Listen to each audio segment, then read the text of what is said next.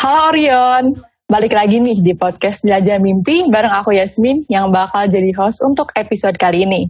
Nah di sini kita bakal bawain materi yang gak kalah seru dan pastinya bakal bermanfaat buat teman-teman ke depannya. So, jangan skip and stay tune. Nah, di episode kali ini kita kedatangan tamu spesial lainnya yang sekarang udah hadir di ruangan ini bareng aku. Tak kenal maka kata sayang, yuk kita kenalan dulu sama pemateri di episode kali ini. Halo Kang Rido. Halo Yasmin. Halo Kang, gimana nih Kang kabarnya? Sehat, sehat. Selalu Alhamdulillah sehat ya Kang. Alhamdulillah. Oh iya teman-teman, sekarang tuh kan COVID lagi naik lagi ya Kang ya. Jadi bersyukur banget kalau sampai sekarang masih dikasih kesehatan gitu. Nah, boleh deh Kang perkenalan dulu sama teman-teman Orion. Apa uh, namanya panggilannya? Ke Orion Kang. Orion. Orion. Ah, Orion. Oke. Okay. Ya. Halo teman-teman, kenalin aku Rido Apriya Rajohani. Biasanya sih dipanggil Rido. Aku alumni 24 angkatan 2019. Saat ini aku lagi nempuh studi di program studi ilmu pemerintahan Universitas Pajajaran semester 3 akhir. Oke, udah bukan maba lagi ya Kang ya? Uh, maba sebenarnya. oh, masih ya Kang semester 3? Tetap maba. Gimana tetap aku yang semester satu ya Kang ya? Maba banget iya. berarti. Online kan. Gimana nih Kang? Satu. Uh, gimana nih Kang kuliahnya lancar Kang? Kuliahnya lancar. Uh, adaptasinya lebih cepat, tapi dosennya juga ya jadi lebih mulai sedikit uh, gak bisa diakalin lah kalau lagi online gini. Udah udah mulai normal lagi. Oh iya bener sih Kang. Aku juga ngerasain itu mah. Nah, di episode kali ini nih, materi yang bakal aku dan Kang Rido bahas tuh bakal menarik banget sih. Nah kita semua pasti pernah ngalamin yang namanya dilema nentuin pilihan jurusan. Bener gak Kang? Bener banget. Ya, kayak aku sendiri bahkan kayak selama tiga tahun SMA tuh baru yakin sama pilihan jurusan pas mau finalisasi daftar SBMPTN. Kalau Kang gimana nih Kang? Orang inget banget waktu itu, waktu lagi main ke 24, lagi ngapain ya, kampus day juga gitu ya, nggak tahu apa Yasmin tuh tiba-tiba ngasih tahu nggak tahu waktu kapan nih orang inget banget orang inget banget. Kamu ngasih tahu yeah, yeah. ah orang orang mau orang mau linjur. Ah linjur nih oh iya benar ini pernah pernah pernah ngasih tahu pernah ngasih tahu. Iya yeah, iya aku tahu emang jadi ngingetin juga orang pengen linjur. Tapi sebenarnya ceritanya panjang banget min. Teman-teman ceritanya panjang banget uh, kenapa orang mau linjur tuh. Tapi ini orang emang boleh ceritain nih sekarang. Boleh kang. Mungkin dipersingkat okay. Siap, kita persingkat ya. Poin pertamanya, sebenarnya aku tuh emang anak IPS banget dari SMP. Anak IPS banget okay. dari SMP. Uh, tapi ketika di SMA, orang tua tuh pengennya orang jadi sarjana teknik. Pengen oh. jadi uh, anak sipil gitu. Oh, uh-uh. orang kayak agak keder gitu, dikasih ekspektasi. Tapi nanti ini harus sama uh, obrolan kita selanjutnya ya. Nah, karena di bawah pressure kayak gitu tuh, uh, satu sisi orang mikir ini orang nggak bisa nih kalau ada di comfort zone terus orang harus nyoba challenge yang baru ya udah waktu orang lolos kedua empat lewat jalur prestasi jalur prestasinya tuh pakai OSN uh, sertifikat hmm. OSN bidang IPS tapi waktu pas Aduh. peminatan waktu peminatan eh peminatan uh, apa namanya asesmen atau apa ya lupa namanya di 24 hmm. tuh uh, oh jurusan yang ya. soal IPS aku salah-salahin semua. Waduh, salah-salahin, IPA-nya bener ya. IPA-nya, IPA-nya kalau IPS sudah yakin itu bener semua jawabannya. Cuman eh. salah-salahin yang IPA tuh agak IPA Waduh. full ngerjainnya. Akhirnya hmm. lolos masuklah IPA. Masuk IPA okay. setahun kelas 10 santuy. Ya, walaupun sibuk organisasi ekskul karena itu, waktu hmm. kelas 11 weh, jebret, orang udah nggak bisa ngikutin praktikum fisika, udah nggak bisa ngikutin praktikum kimia, cuman datang duduk bahkan pernah cuman diem di kelas yang lain pada ke lab gitu kayak aduh ini orang harus ngapain sih? Gitu bingung. Akhirnya dari situ emang yakin sebenarnya orang lebih cocok uh, mempertahankan passion orang bukan passion ya interest orang ke IPS nah akhirnya okay uh, yakinlah dari situ oke okay, mau masuk IPS tapi bukan berarti beneran mau masuk ke program studi universitas. Maunya udah aja lah uh, yang tentang sosial tapi lebih ke uh, istilahnya tuh kedinasan. Akhirnya kepilih okay. IPDN akhirnya kepilih IPDN uh, exercise uh, ternyata gagal ternyata gagal waktu pas tesnya. Akhirnya ya udah ambil cadangan tapi yang relate sama IPDN ilmu pemerintahan linjur lah dari oh. dari IPA kelas 3 tuh mulai apa persiapan juga. Cuman posisinya waktu itu tuh lagi banyak pressure lah sana sini. Akhirnya SBM juga sebenarnya preparationnya kurang tapi ada satu waktu akhirnya jadi boost banget. Akhirnya hmm. linjur pakai SBM lolos. Alhamdulillah linjur. alhamdulillah alhamdulillah banget. Kita sama-sama pejuang linjur ya Kang ya? Sama-sama pejuang Berat linjur. sih. Asli malah sebenarnya orang pada mikirnya tuh dari kelas 11 tuh ah si Ridho mah kebengetannya benget sosum gitu tapi kalau ke asup IPA gitu aduh sedih banget Berarti emang bener akan ya, ngiyakinin diri sendiri itu buat tentang pilihan jurusan itu memang bener susah banget. Dan kita butuh yang namanya dorongan gitu untuk ngebantu kita buat ngiyakinin diri sendiri gitu. Nah Kang ada yang namanya analisis behavioral inhibition system dan behavioral activation system. Gimana sih Kang caranya mengenali motivasi diri melalui analisis behavioral, behavioral inhibition system dan behavioral activation system Kang? Hey, Uh, ini menarik ya uh, terkait konstruksi terkait approach approach yang behavioral activation system tapi beha sama behavioral behavioral inhibition system ini bus and bis ya. Kita singkat yeah. bus and bis. Cuman ya, sebenarnya ini buat buat yang teman-teman uh, perlu tahu secara simpelnya bus tuh uh, istilahnya dikasih stimulus yang positif, terus kitanya juga uh, istilahnya jadi lebih ini ya Min apa kalau dikasih stimulus yang positif sama bas tuh nantinya kita itu bakal bentar ya orang tuh agak orang tuh agak nyatet soalnya emang ini penting banget oh iya bas tuh jadi Eh, ngedirect kita ke tujuan yang positif. Tapi okay. kalau yang bis, sebenarnya kita rada ngeh sama hal-hal stimulus yang negatif, terus ngedirect kita tuh buat ngehindarin hasil yang oh, menurut okay, kita tuh mm-hmm. yang agak sedikit nyes gitu. Nah, sebenarnya uh, untuk cara menganalisis pakai bus dan bis tuh sebenarnya orang belum tahu ya toolsnya kayak gimana karena sebenarnya ini pernah waktu aku konseling juga dibahas nih terkait tools bus and bis tapi balik lagi sebenarnya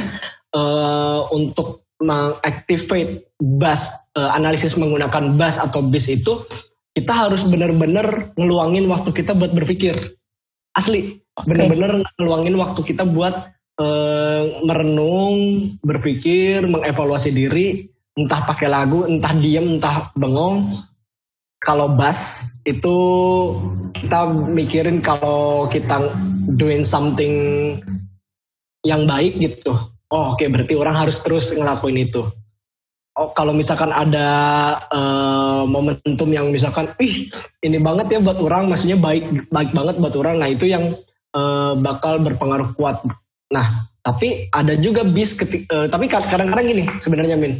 Uh, cara kita mengenali mengun, menggunakan bus atau bis, kalau yang orang lihat sebenarnya banyak orang yang lebih uh, prefer ke bis. Tapi bahkan orang nggak tahu itu tuh sebenarnya bis. Kayak misalkan, hmm. apalagi aku, aku tuh tipe yang sebenarnya lebih suka pakai analisis yang bis. Karena aku tipe orang yang bisa lebih cepat nerap sesuatu kalau lagi under pressure entah under pressure karena di durasi berapa menit dalam ngerjain sesuatu atau under pressure karena di depan ada ketidakpastian dalam uh, hasilnya itu akan berhasil atau enggak atau tekanan lain-lain yang sifatnya eksternal terkait dengan lingkungan. Okay. Dan itu yang aku juga sering dengar dari cerita-cerita teman-teman aku gitu ya waktu mau persiapan buat lenjur atau misalkan dia tetap mau di jurusan yang sama gitu ya. Itu banyaknya bis gitu. Kalau misalkan orang kayak contoh gini, banyak orang termasuk orang yang mikirnya, aduh kalau orang eh, dapat sesuatu yang nggak sesuai ekspektasi orang, orang bakal under pressure nih. Waduh, orang bakal tertekan pisan nih. Dan apalagi orang takut orang uh, takut ngelakuin kesalahan dan ngebuat takdirnya itu benar-benar ngerubah jalan cerita hidup kita. Terus juga orang khawatir kalau misalkan uh, telah gagal ngelakuin sesuatu nah itu tuh bis dan oke okay, oh. mungkin orang-orang bilangnya overthinking overthinking yang cenderung yeah. negatif yang kayak gitu tuh orang orang bilangnya itu overthinking yang cenderung negatif tapi sebenarnya itu tuh bis behavioral inhibition system di mana ketika kita menemukan stimulus yang negatif bukannya kita bakal menjadikan kita ngedirect diri kita ke hal yang negatif enggak tapi ngedirect diri kita supaya mengavoid sesuatu yang menurut kita tuh wah itu yang, yang bakal bikin kita jatuh gitu itu bis okay, gitu intinya sih cara memastikan kita menggunakan analisis bas atau bis itu sebenarnya uh, jangan terpaku sama istilah, tapi pastiin diri okay. kita mindfulness. Kita mindfulness, terus juga kita uh, peka sama sekitar dengan cara yaitu kita luangin diri, uh, luangin waktu kita, luangin diri kita untuk coba ngehirup udara sejenak. Bayangin, pikirin apa sih yang bakal kita hadapin sekarang? Apa sih yang lagi kejadian di sekitar kita tuh mendukung kita nggak sih? Terus uh, kita harus gimana sih kalau misalkan itu mendukung atau enggak? Kira-kira gitu sih kalau orang untuk mengenal di diri kita dengan bas atau bis gitu. Yang penting kita tahu kalau bas itu adalah uh, pendekatan yang berbasis stimulus yang positif, pendekatan yang istilahnya kita mencari tahu hal-hal yang positif buat, uh, buat diri kita, terus kita bisa mendirect diri kita supaya uh, mencapai tujuan yang positif. Kalau yang tadi bis itu kita menemukan atau mencari tahu adakah stimulus yang negatif di sekitar kita atau di dalam diri kita lalu kita bisa ngedirect diri kita supaya menghindari sesuatu yang okay. hasilnya negatif buat diri kita okay. gitu sih Oke. Okay. Nah, selain motivasi diri gitu kan. Uh, gimana sih Kang caranya buat bisa tahu apa yang kita mau itu benar-benar sesuai sama kemampuan kita gitu?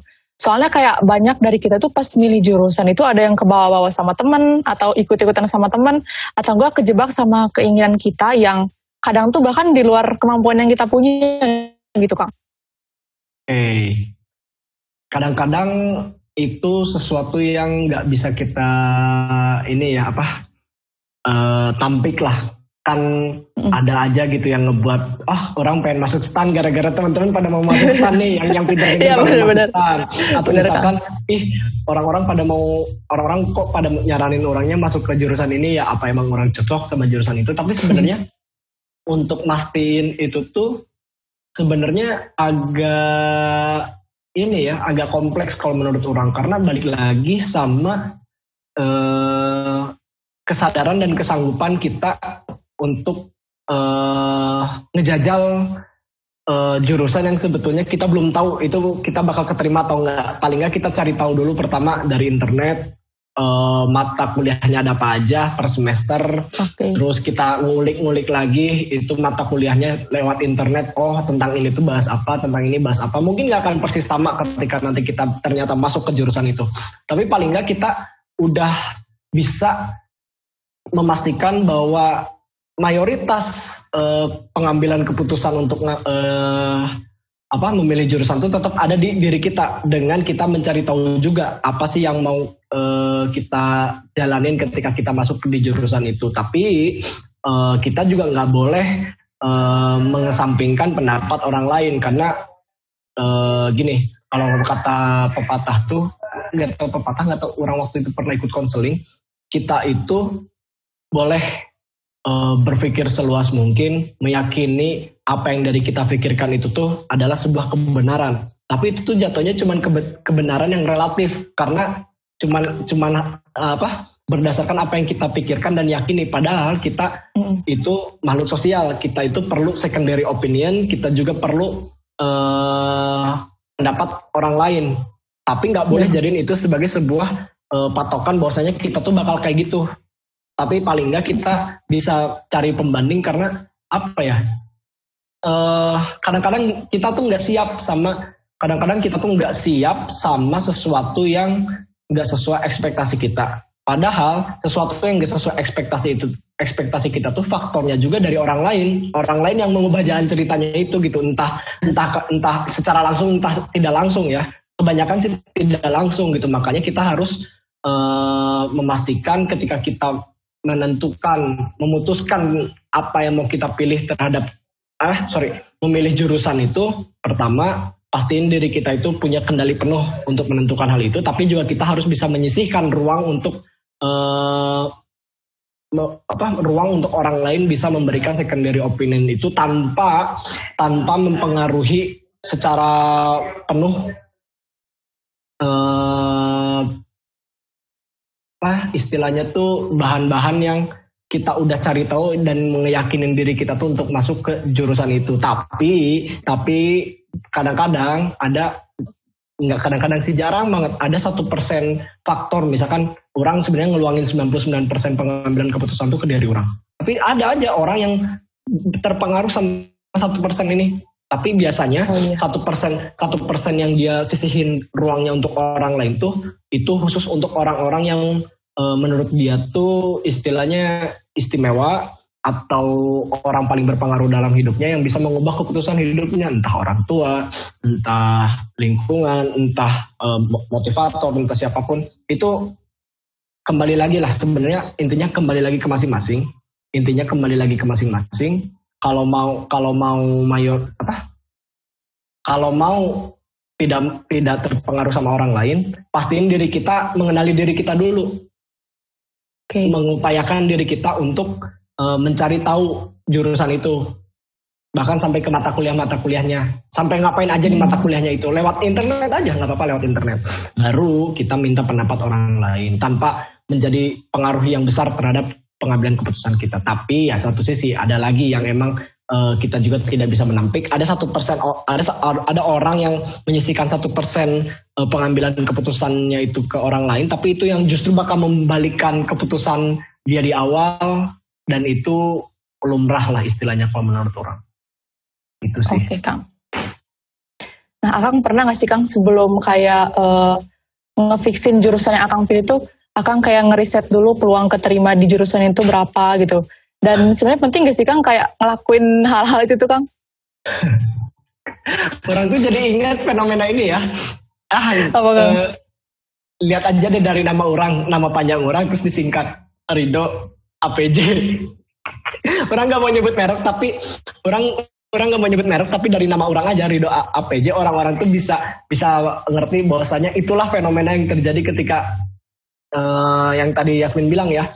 Uh, ya kita menyerahkan uh, apa kepercayaan kita untuk menganalisis seberapa mampu kita masuk ke jurusan itu tuh dengan sub brand yang itu ya dengan brand yang itu Rido APJ yeah. lah katakan Rido APJ gitu. Okay. Kalau ditanya orang pernah orang pernah nungguin itu satu bulan orang satu bulan nungguin wah nggak dibales nggak dibales ya udahlah orang mengukurnya eh, pakai yang relatif banget maksudnya apa yang relatif banget percaya sama yang di atas? Kadang, okay. kadang gimana ya? Kadang ini ini orang orang buat uh, Orient uh, buat teman-teman Orient sebenarnya ini relatif banget. Bahkan sebenarnya orang nggak maksa teman-teman buat percaya ya. Karena uh, orang yakinlah banyak pergolakan batin lah untuk selama kelas 12 ini pasti banyak pergolakan batin. Ada yang arahnya jadi semakin taat ada yang arahnya jadi semakin rasional Gak masalah, tapi maksudnya orang cara mengukur kemampuan orang apakah bisa lolos ke sana atau enggak, bahkan dengan skor SBM yang gak jelas cara nilainya gimana dengan ya, uh, betul. Uh, pendapat orang-orang yang caranya gini, caranya ngerata-ratain, caranya dikali-kali per sub, uh, tesnya. Orang malah justru lebih yakin waktu ya orang lagi ngerasa taat-taatnya uh, ngeyakinin diri orang kalau orang tuh sebenarnya sanggup gitu ke uh, Tuhan tuh ya orang bilang orang sebenarnya sanggup kalau misalkan masuk ke uh, jurusan yang sekarang yang mau pemerintahan. Tapi kalaupun enggak jangan jangan bikin orang jatuh gitu. Waktu itu orang ingat uh, doanya iya. kira-kira kayak gitu. Orang orang ukurnya gitu doang tapi uh, apakah orang jadinya tidak menghitung nilai orang uh, dengan apa yang kata orang lain itu yang di rata-rata atau yang sub tesnya dikali itu kali itu jujur nggak Males soalnya orang-orang ngedebatin itu gitu. Teman-teman orang pada ngedebatin ih cara nilainya gini cara nilainya gini. Ah ya udah we orang mah dengan nilai yang ada dan waktu itu kan nilainya eh, langsung keluar ya dua minggu. Beda ya sama yang angkatan oh, iya benar. Oh iya benar kang. Hmm, Jadi ya orang merasa dengan angka segini dan ngelihat statistik resmi dari dari LTMPT bahwa ini tuh uh, bahwa ini ada kuartil atas, ini yang uh, standar, ini kuartil bawah uh, se Indonesia. Oh ya udah, orang ngerasa yakin dengan statistik resmi yang ada dicocokin dengan nilai orang, ya orang ngerasa sanggup untuk masuk jurusan ini. Makanya hmm, okay. uh, orang sebenarnya uh, mau ngeyakinin teman-teman kebijakan kebijakan LTMPT bahkan kebijakan pemerintah tuh sering berubah. Makanya jangan aneh, jangan aneh, jangan kaget.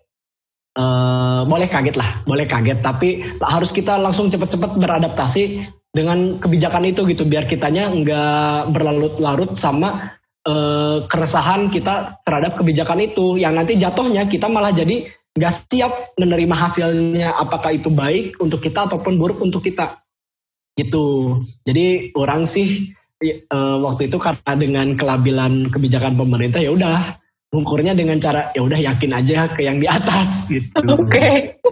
Berarti banyakin doa gitu kali ya Kang ya. Ya. Kalau aku kan dulu ini ya Kang nilainya di akhir gitu. Kalau aku sih hmm. dulu cara survei-surveinya tuh kayak buka website terus ngelihat si peluang keterima itu dari berapa orang yang diterima itu berapa hmm. persen aku sih tuh kayak gitu kayak ngebandingin per tahun itu naik gak terus yang bagian tahun aku tuh kan kayaknya berkurang gitu si kuotanya jadi aduh banyak lah uh, keresahan keresahan batin gitu lah kayak kang uh, selanjutnya nih kang hmm. Berarti Akang sendiri uh, menurut Akang nih, hmm. kan sekarang si uh, si sistemnya tuh udah mungkin kayak mungkin kayak tahun aku ya Kang ya. Jadi menurut hmm. Akang si uh, buat kita ngukur peluang keterima tuh sebenarnya penting atau enggak Kang? Ukur peluang keterima atau enggak kalau orang mengambil uh, suara dari mayoritas orang-orang yang orang tahu dan orang kenal harus. Soalnya kalau nggak gitu, kalau nggak gitu jatuhnya nekat dan orang dicap nekat waktu itu. Bener, bener. Jadi ya, penting banget, penting banget entah entah mengandalkan Rido APJ yang versi yang origin atau misalkan ngandelin website-website yang menawarkan peluang untuk mengukur ataupun misalkan kita nanya ke mentor kita di jurusan itu, misalkan kita punya teman gitu di jurusan itu, kita tanya-tanya waktu itu paling ter, paling anak-anak sorry nilai paling kecil di jurusan itu berapa tahun kemarin? Atau misalkan kita misalkan uh, ini orang ini orang ini orang nggak menampik ya. Pasti selalu ada bocoran uh, statistik penilaian dari eh, orang-orang uh, yang kenal sama kita seangkatan. Dan ternyata uh, kerabatnya atau bahkan orang tuanya itu orang universitas. Ya itu eh. penting untuk ngukur itu, untuk ngukur uh, seberapa jauh kita ngerasa yakin untuk masuk ke jurusan itu. Tapi balik lagi kebijakan khususnya pendidikan tinggi itu bakal banyak ber apa bakal banyak beradaptasi dulu sebelum dia menemukan sebuah kebijakan yang firm.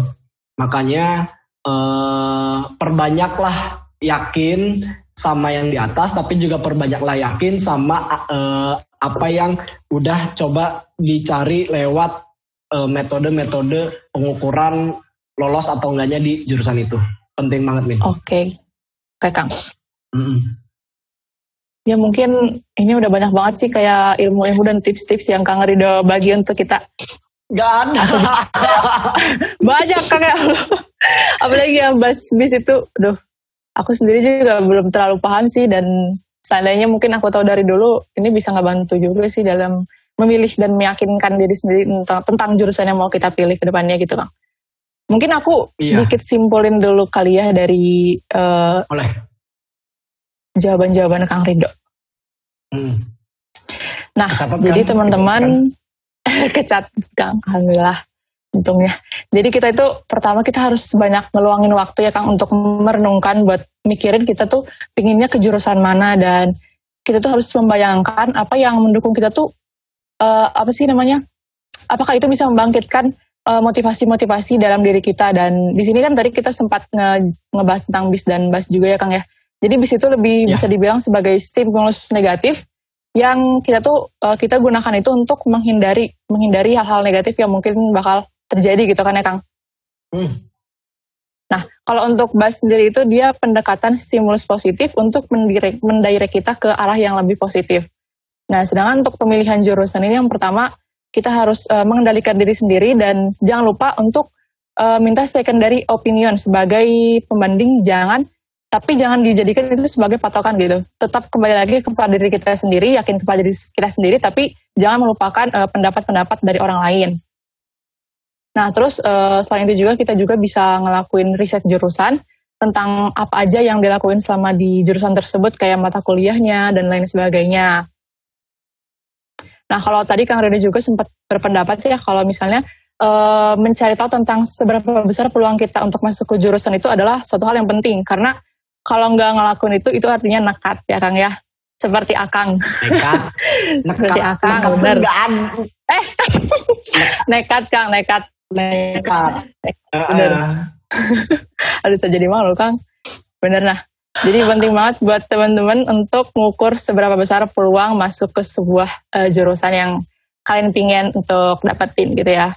Nah, mungkin dicukupkan kali dicukupkan dulu kali ya untuk episode kali ini.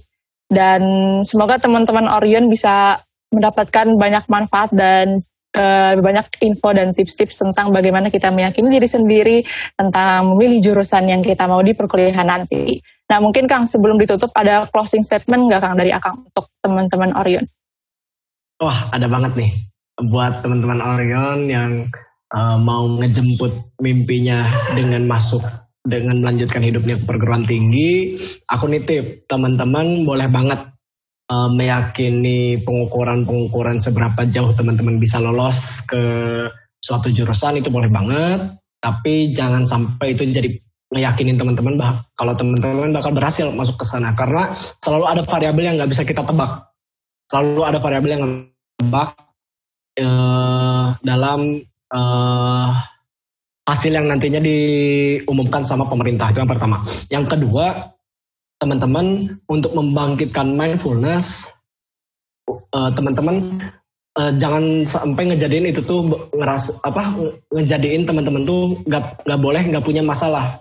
Justru dengan punya masalah, teman-teman akan cepat atau lambat mempunyai momentum untuk bisa membangkitkan mindfulness teman-teman entah dengan bertemu dengan mentor psikolog atau dengan platform-platform online yang sudah menawarkan such as relief, such as satu persen dan lain-lain, itu penting banget teman-teman untuk bisa ngobrol, untuk uh, ya paling nggak teman-teman kalau ngerasa mindfulness itu penting atau misalkan self acceptance itu penting, self rewarding itu penting, ngobrol, ngobrol sama yang berpengalaman supaya teman-teman uh, tidak terlalu banyak beban ketika uh, memilih jurusan. Karena dengan bis kalau yang aku rasain dengan bis itu just, jujur ngebebanin. Tapi itu yang nge, nge bikin kita jadi banyak uh, yang harus dibenahi. Dan yang paling terakhir paling terakhir min. Apa pun jurusan yang mau teman-teman ambil apa pun teman-teman uh, uh, dengan cara apa pun teman-teman lakukan untuk mengambil uh, uh, pilihan jurusan itu selama itu halal aku jamin teman-teman nanti jangan sampai jatuh ekspektasinya ketika sudah masuk ke prodi itu. Karena setiap unit pasti beda-beda ciri khas prodinya. Makanya kita harus bisa mencari kesibukan lain. Kita harus harus bisa cari kesibukan lain. Kita harus cari laboratorium-laboratorum lain di luar eh, ruang-ruang uh, kelas kita. Supaya teman-teman tetap ada yang bisa diambil uh, dari apa yang udah diajarkan sama dosen. Karena berbuih-berbuihnya dosen berbicara atau sediem-diemnya dosen dalam menyampaikan uh, materi nantinya itu dikembalikan lagi ke teman-teman. Teman-teman mau nggak mengeksplor lebih jauh? Teman-teman mau nggak bermain lebih jauh? Teman-teman mau nggak belajar lebih jauh? Kalau nggak udah nggak apa-apa. Teman-teman nggak lanjut kuliah juga nggak jadi masalah. Tapi ya balik lagi teman-teman di sini uh, posisinya sedang berharap bisa uh, lanjut ke kuliah. Aku doain teman-teman supaya berhasil dalam prosesnya dan juga hasilnya. Keep up Amin. the good work. Oke Kang. Oke makasih banget untuk Kang Rido yang udah bersedia untuk mengisi materi di podcast kali ini.